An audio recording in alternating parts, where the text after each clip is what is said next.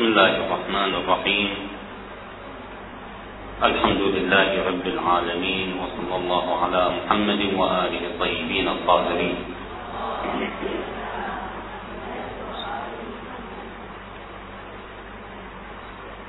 يمكن أن نفسر هذه العلامات الكونية وهذه التغيرات في الكون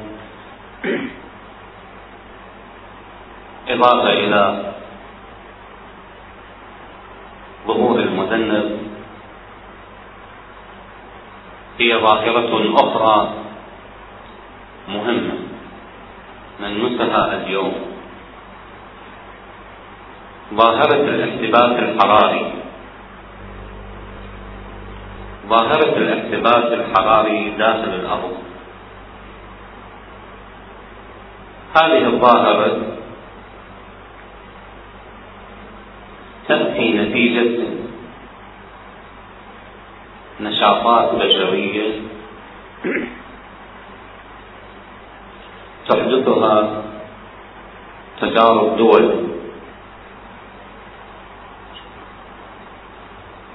تجارب الدول اليوم تجعل من الأرض تجربة نووية. بعض الدول المتطورة اليوم تجعل في باطن الأرض تجاربها النووية تفجيرات نووية معينة مختلفة. هذه الظاهرة ظاهرة احتباس بالحرارة ارتفاع لدرجات الأرض باطن الأرض. قبل أيام اعترف الرئيس الأمريكي جورج بوش بتدخل الإنسان في ارتفاع درجات الحرارة ظاهرة الاحتباس الحراري. إشارة إلى أنشطة بعض الدول في إقامة عمليات نووية تجريبية داخل الأرض. هذا الاحتباس الحراري بدأ الآن واضحا نلمسه في كل عام. حرارة الصيف في هذه السنين المتأخرة غير حرارة الصيف من قبل.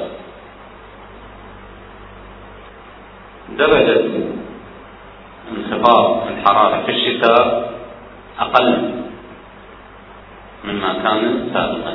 كان شتاء قارسا. الأخوات اللي كانوا في إيران يلاحظون أن هناك منذ التسعينات كان هناك نزول ثلج جديد هائل في الشتاء. السنين الأخيرة يشكو الإيرانيون من قلة ذلك. طبعا هذا مورد من الموارد المائية لإيران.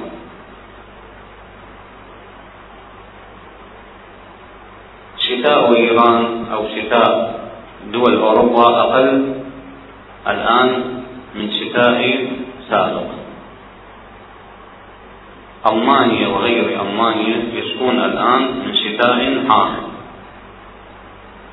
حتى أن البعض مات لارتفاع بسيط في درجات الحرارة.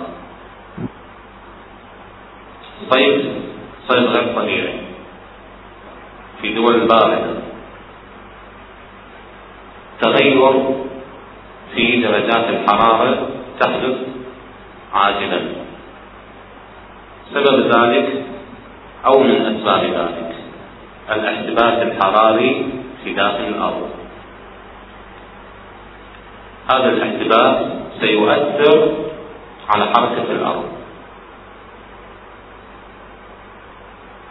سيؤثر أولا على جاذبية الأرض. لأن هناك علاقة بين مغناطيسية الأرض وبين ارتفاع الحرارة كلما عرضنا حديد المحماة إلى النار وجعلناها أكثر قربا أو أكثر وقتا ازدادت مغناطيسيتها هناك علاقة طردية بين حرارة الأرض أو بين الحرارة وبين المغناطيسية. مغناطيسية الأرض تتغير. زيادة أو قلة هذا التغير سيحدث أيضا تغيرا على جاذبية الأرض. هذه الجاذبية أيضا ستزيد تسرع أو تقلل من حركة الأرض.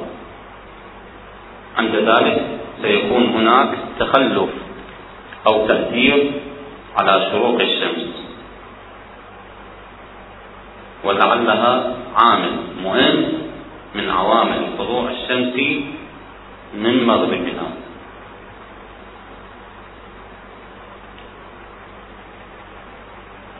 كذلك الحرارة ستؤثر على التمدد تمدد الأرض. أيضا سيؤثر على جاذبية جاذبية الأرض وحركة الأرض. أمر آخر مهم. نتيجة ارتفاع درجات الحرارة وهو انهيار قطع جليدية عظمى في القطب المنجمد. قطع جبلية جبال تنهار. الله سبحانه وتعالى جعل الأرض جعل الجبال رواسي للأرض ترسو بها الأرض. أن لا تميد بكم. أن لا تتحرك. إلا بحركتها الطبيعية. أي خلل على هذه الجبال سيحدث خلل في هذه الحركة. انهيار قطعة جليدية كاملة. أو قطعة جبلية كاملة في القطب المنجمد سيؤثر شيئا ما على حركة القطب. سيحرك ويغير من مسار الأرض شيئا قليلا. لأنه كلما قلت هذه القطعة الجليدية اختل توازن الأرض. تغيرت نوعا ما مسارات الأرض دوران الكرة الأرضية. هذا الدوران هذا التغير والإضطراب سيسبب في تغير طلوع الشمس من مكانها الطبيعي.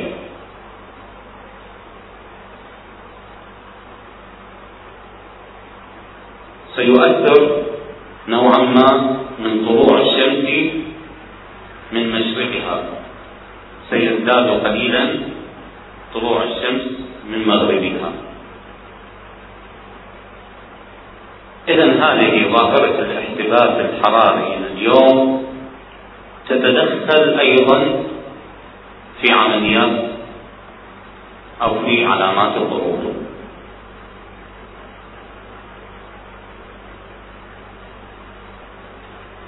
إضافة إلى حالة جوية أخرى وهي ازدياد طبقة الآزون أيضا هذه لها علاقة ومسألية في حركة الأرض وعلاقتها بالشمس. هناك سيكون تغير وتخلل في طلوع الشمس من مغربها. إذا ستكون هناك عدة عوامل مؤيدة لهذه النظرية. عوامل طبيعية تؤيد نظرية طلوع الشمس من مغربها.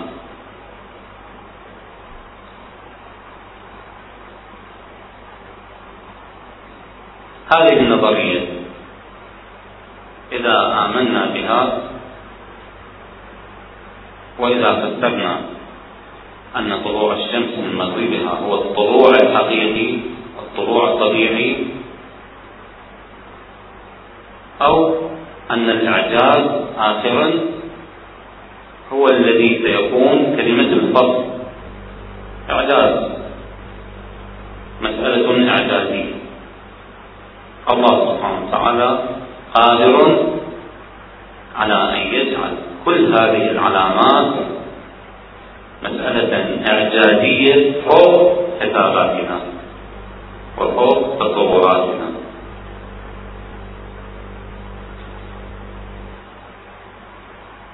إذا علينا الآن أن نستعرض بعض هذه الروايات لنستشف منها هذه التغيرات الكونية. طبعا عبرت بعض الروايات بالحمرة من المشرق وبعضها عبرت بنار من المشرق. ما رواه علي بن المزيار علي بن مهديار التقى بالإمام الحجة عجل الله فرجه الشريف عند الغيبة الكبرى. أو الغيبة الصغرى. عند الغيبة الصغرى علي بن مهديار كان يدعو أن يلتقي بالإمام. لأن مهديار بن إبراهيم من أصحاب الإمام الجواد والهادي والعسكري عليه السلام. علي علي بن مهديار كان يريد أن يلتقي بالإمام عليه السلام. يدعو الله تعالى أن يشرفه بلقائه. علي بن مهديار ذهب إلى مكة للحج. في منتصف الليل جاء شخص وأخبره باسمه وقال أنت مدعو للقاء الإمام. فاضطرب علي بن مهديان وانتظر الموعد في اليوم التالي نصف الليل كان الناس أو الحجيج نائمون جاء الرجل وأخذه إلى مكان ما لم يعرفه علي بن مهديان خارج مكة في صحراء يقول علي بن مهديار حينما وصلت إلى مكان ما قال للشخص انزل من راحلتك واجعلها هنا فإنك افترضت إلى الحرم حرم الإمام فأردت أن أربط ناقتي فقال لا عليها فإنها في أمان يقول فأخذني فدخلت بيتا فوجدت الإمام عليه السلام جالسا على بساط أخضر فسلمت عليه وتحدثت معه. كان علي بن مزياد رجل مؤمن صادق. تصور علي بن مزياد أن لقاءه بالإمام عليه السلام حدثه دقائق أو ساعة أراد أن يقوم أشار إليه الإمام عليه السلام قال أنت بضيافتنا بقي مع الإمام. في ضيافة الإمام أكثر من عشرة أيام. الرواية تقول ما يقارب ثمانية عشر يوم مع الإمام عليه السلام. اطلع على حياة الإمام. تفاصيل حياته. كيف يأكل؟ كيف يشرب؟ كيف يعيش؟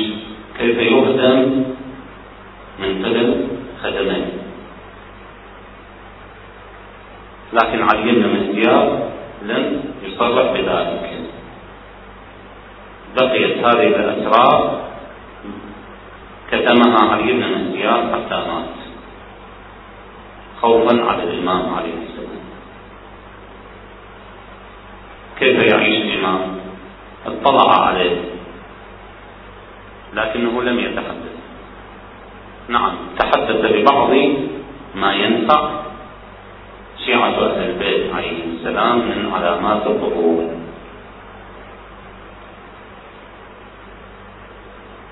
مما تحدث به علي بن مهديار عن الحجة عجل الله فرجه في حديث طويل قال الإمام عليه السلام قاتلهم الله أنا يؤفكون يعني كيف يكذبون؟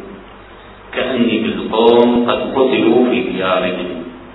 وأخذهم أمر ربهم ليلا ونهارا. فقلت متى يكون ذلك يا ابن رسول الله؟ صلى الله عليه وسلم. قال إذا قيل بينكم وبين الكعبة بأقوام لا خلاق لهم. لا خلاق لهم. لا أخلاق لا دين. لا خلاق لهم. والله ورسوله منهم براء. وظهرت الحمرة في السماء. فيها أعمدة كأعمدة اللجين يتلألأ نورا. يبدو أن هذه الحمرة بسبب ظهور هذا المدند وهذه التلألؤات كأنها اللجين كأنها فضة هي غازات منبعثة من ذيل ممكن أن يكون ذلك. لكنه الإمام عبر عليه السلام بأن الحمرة تتخللها نور. كأنه اللجين كأنه الفضة وعن الصادق عليه السلام إذا رأيتم علامة في السماء نارا عظيمة من قبل المشرق تطلع ليالي عدة ليالي لم تكن شهر. ليالي. فعندها فرج الناس وهي قدام القائم بقليل عدة أيام.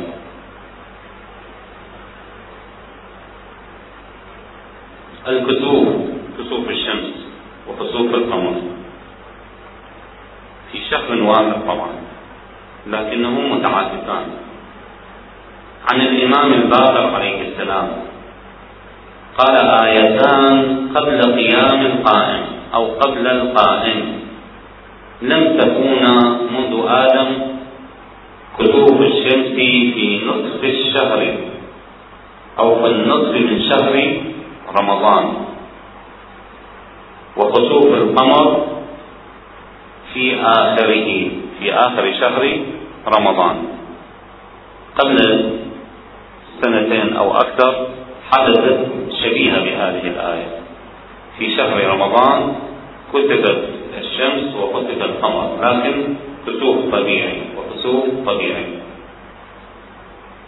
المطلوب أن يكون الكسوف في آخر الشهر في نصف الشهر والكسوف في آخره. عكس المتعارض كسوف الشمس في النصف من شهر رمضان وكسوف القمر في آخره. قال يعني المتحدث أو الراوي قلت يا ابن رسول الله كأنما يتصور أن هذا اشتبه أن هذا الشخص اشتبه الإمام. يا ابن رسول الله تنكسف الشمس في آخر الشهر والقمر في النصف. فقال أبو جعفر عليه السلام أنا أعلم بما قلت. أنا غير مشتبه هذا قلة معرفة الراوي بمقام الإمام. الإمام لا يشتبه ولا ينسى ولا يسوء. تصور أن الإمام عليه السلام اشتبه فقال أبو جعفر عليه السلام أنا أعلم بما قلت. إنهما إنهما آيتان لم تكونا منذ هبط آدم. آيتان إعجازيتان.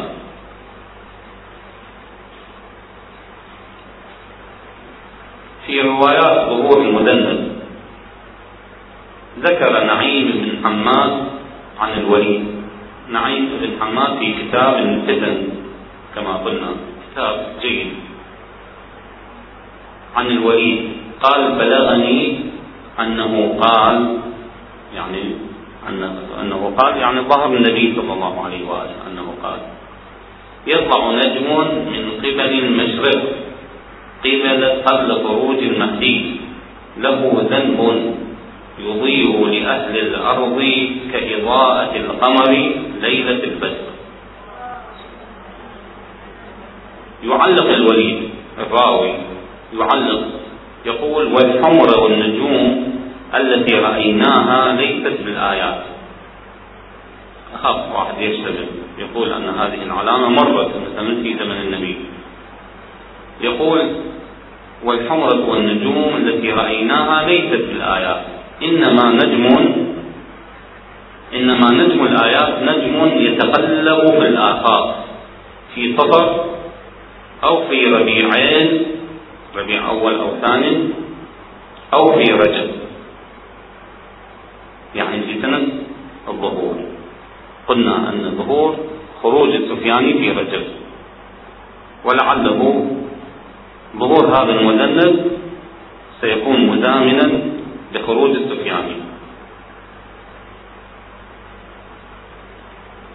وعن كعب الأحبار حمرة تظهر في جوف السماء ونجم يطلع من المشرق يضيء كما يضيء القمر ليلة البدر ثم ينعقد. ينعقد يعني يستدير.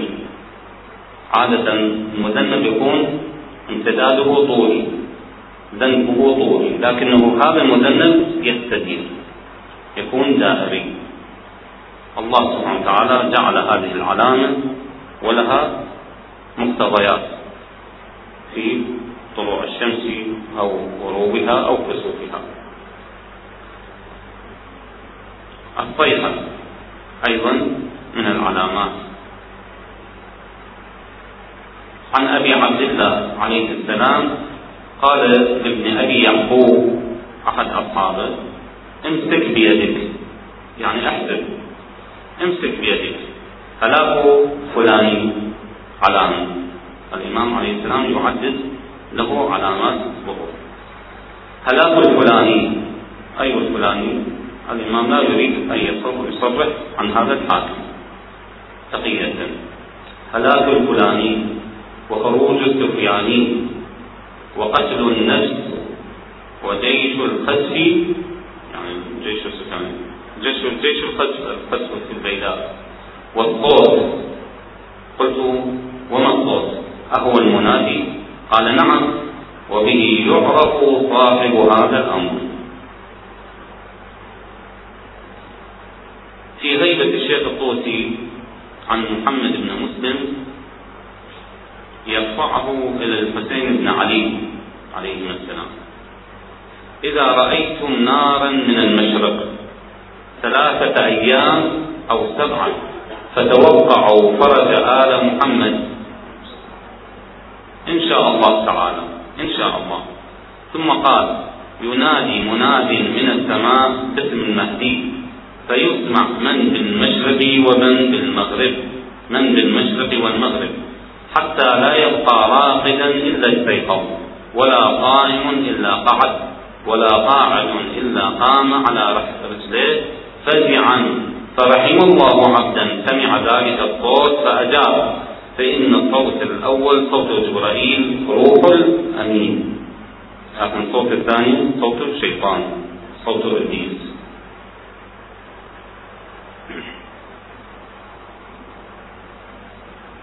من العلامات أيضا. لعلها علامات عالمية يعني تعم العالم. موت أحمر وموت أبيض.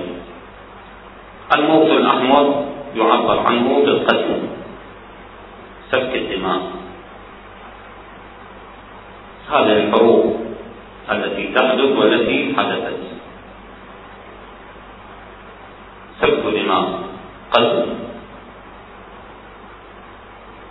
موت أبيض. انتشار وتفشي مرض أمراض معينة.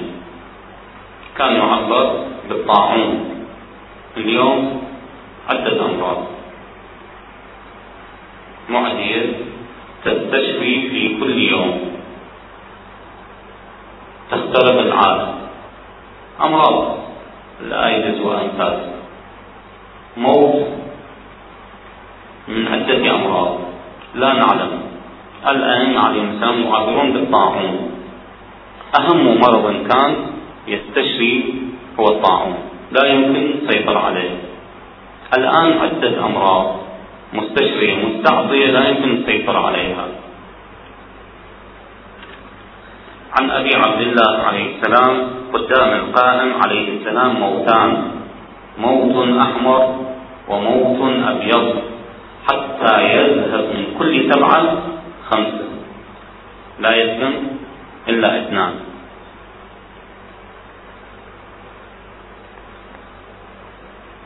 من العلامات الأخرى كثرة الجراد انتشار الجراد. طبعا هذه كارثة طبيعية. الدول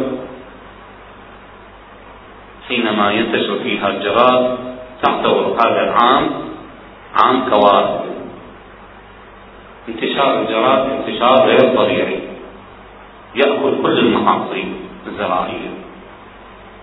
ولذلك المنظمات الدولية الأمم المتحدة تتدخل في مساعدة وإنقاذ هذه الدولة التي يحتلها الجراد. جيوش من الجراد جرارة تحدث في بعض الدول. من علامات من علامات الظهور كثرة الجراد.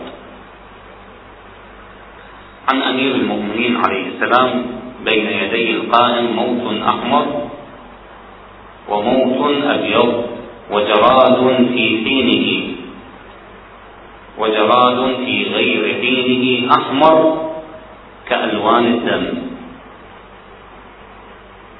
علامة مرعبة حقيقة مرعبة إذا انتشر الجراد أحمر لا يبقي شيء.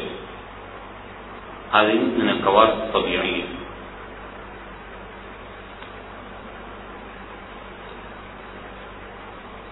من العلامات أيضا تذكر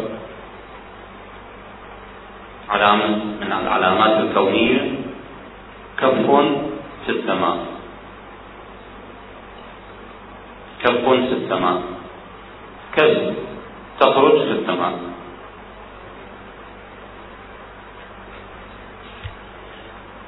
طبعا هذه الكذب بعضهم يقول تكون في القمر. بعض الروايات تقول يظهر وجه وصدر في القمر. لكن كيفية ظهوره وماهية ظهوره وما هو هذا الصدر والوجه لا يعلم ذلك إلا الله. بعض الروايات تقول كف تشير كف تشير لمن تشير لا نعلم. الله يعلم. هذه الروايات تقول بعضها أن هذا الكف مع الصيحة مع النداء. الله هو العالم. لعل هذه الكف تشير إلى جهة الحق.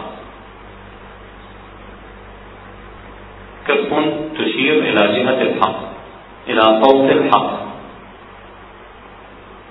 لأنه صوتان صوت حق صوت باطل يختلف الناس يضطرب لعل هذه الكف تشير إلى جهة الحق.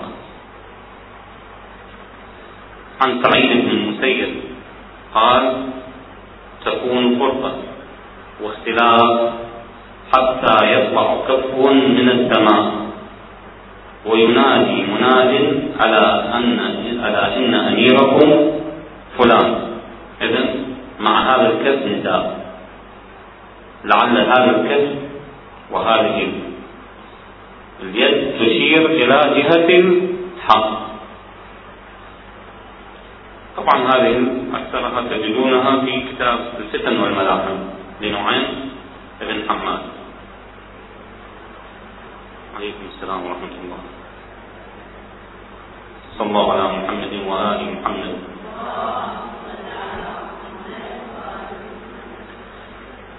وعن ابن المسيب أيضا قال تكون فتنة بالشام. كأن أولها لعب صبيان أو لعب صبيان يعني غير جدية لعب صبيان ثم لا يستقيم أمر الناس على شيء. ولا يكون لهم جماعة حتى ينادي مناد من السماء. عليكم بفلان وتطلع كف تشير كيفية هذه الإشارة؟ ماهية هذه الكف لا يعلمها إلا الله والراسخون في العلم الأئمة عليهم السلام. وعن علي عليه السلام قال بعد الخسف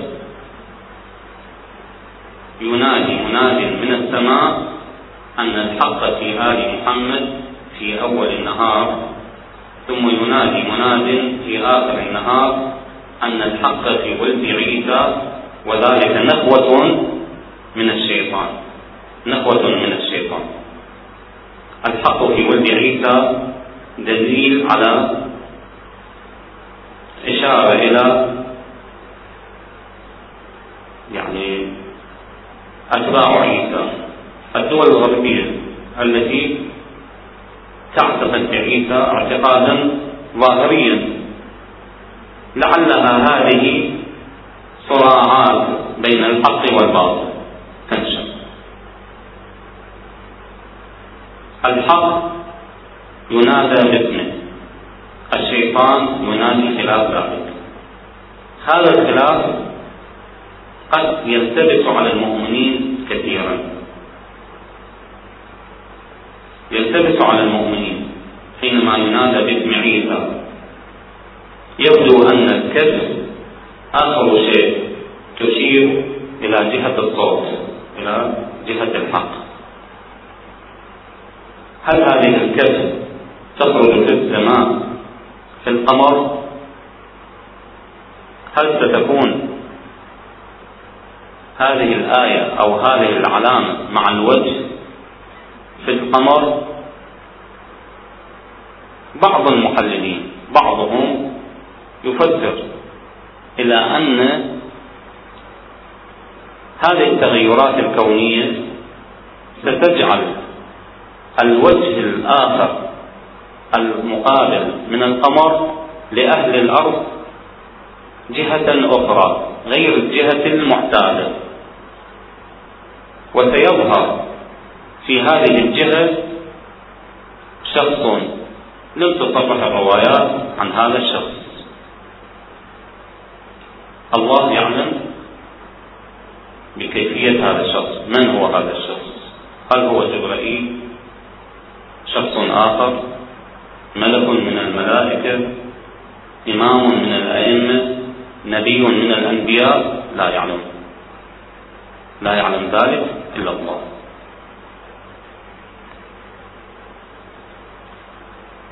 علامة أخرى.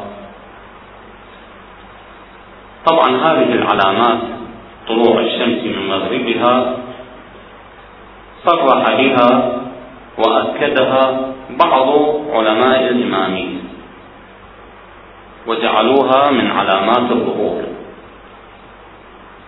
الأكثر كما قلنا رووها على أنها من إشراط الساعة. للروايات المتكاثرة على أنها من إشراط الساعة الشيخ المفيد والصدوق من قبله قالوا هذه علامة من علامات الساعة تظهر قبيل ظهور الإمام عليه السلام. وليس ببعيد بل هو أقرب. بل هو أقرب. لأن فائدة هذه الآية الكونية عند الظهور أكثر من فائدتها عند إشراق الساعة.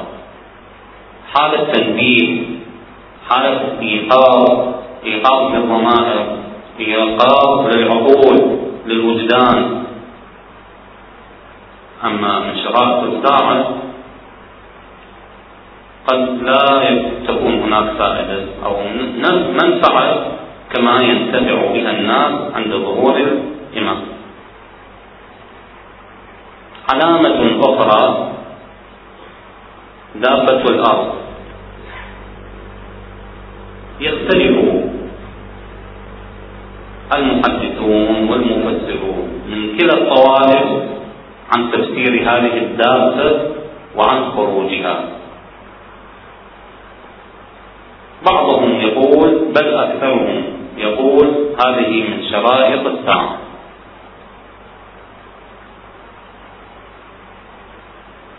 بعض الآخر يقول من علامات الظهور. المهم أننا نريد أن نميز هذه الدابة ما هي دابة الأرض ما هي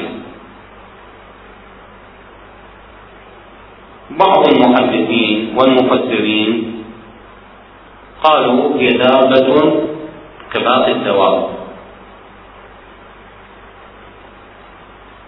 تحمل عصا موسى وخاتم سليمان.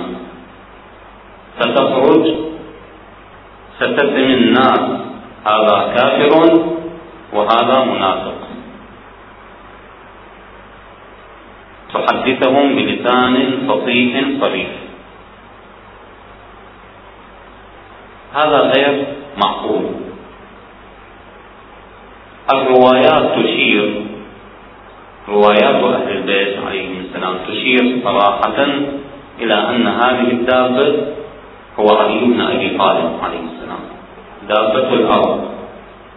دابة الأرض بمعنى كل شيء يدبو أو يدب على الأرض يسمى دابة.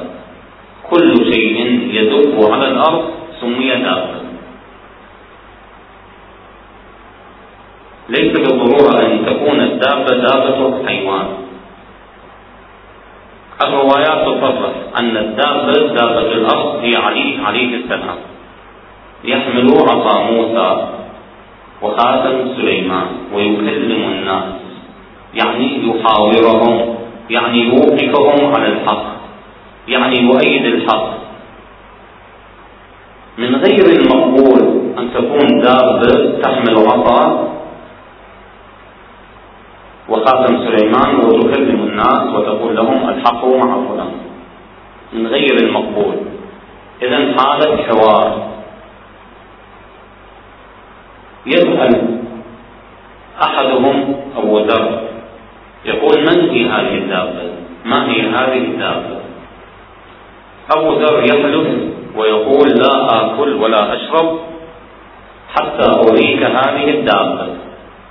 يتعجب. السائل يأخذه يدخلان على أمير المؤمنين عليه السلام. يجدان أمير المؤمنين يأخذ رقبا يقول له ادنو يا أبا ذر. يدعوه وصاحبه. فيأكل أبو ذر وينتهي ثم يخرج. السائل يسأله يقول يا أبا ذر علمت أن لا تأكل ولا تشرب حتى تريني هذه الدابة.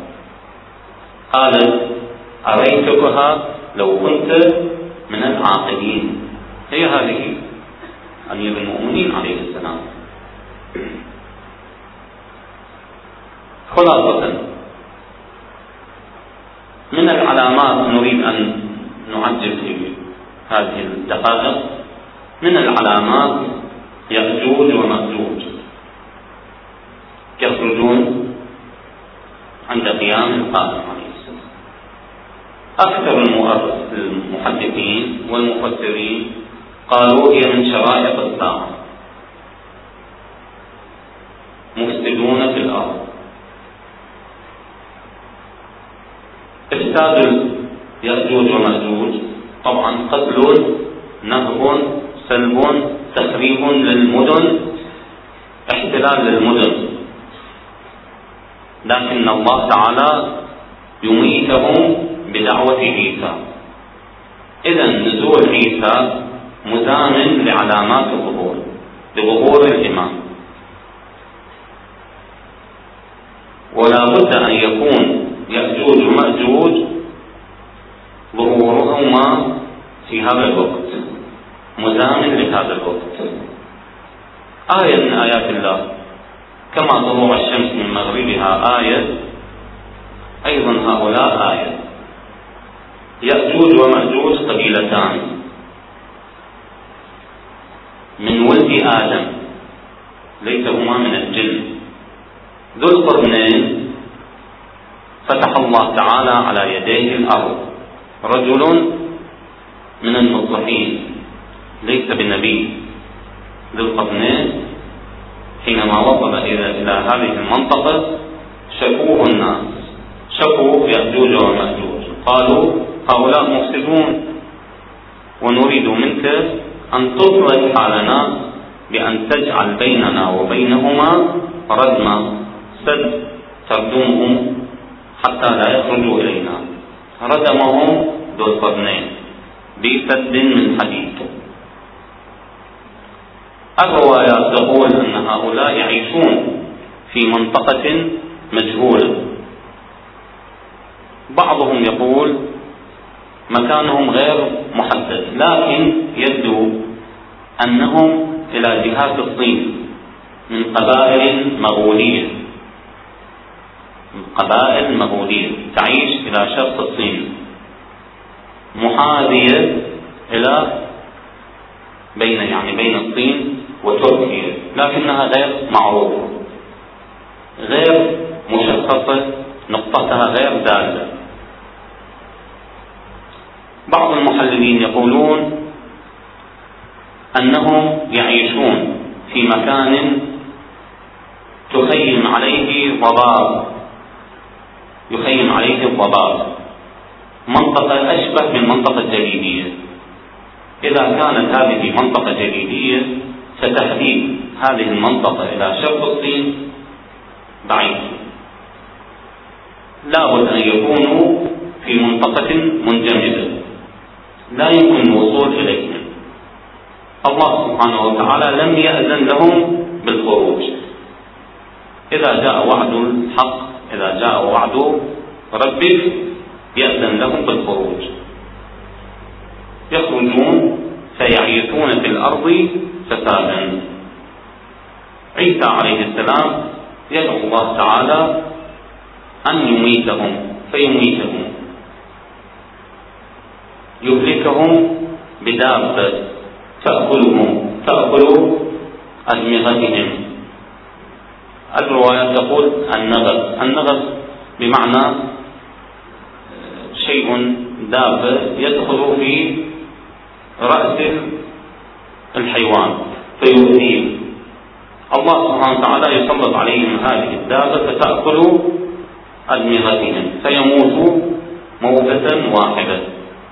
ثم يدعو الله تعالى عيسى بأن يأذن لهم أو يأذن بإزاحتهم من الأرض.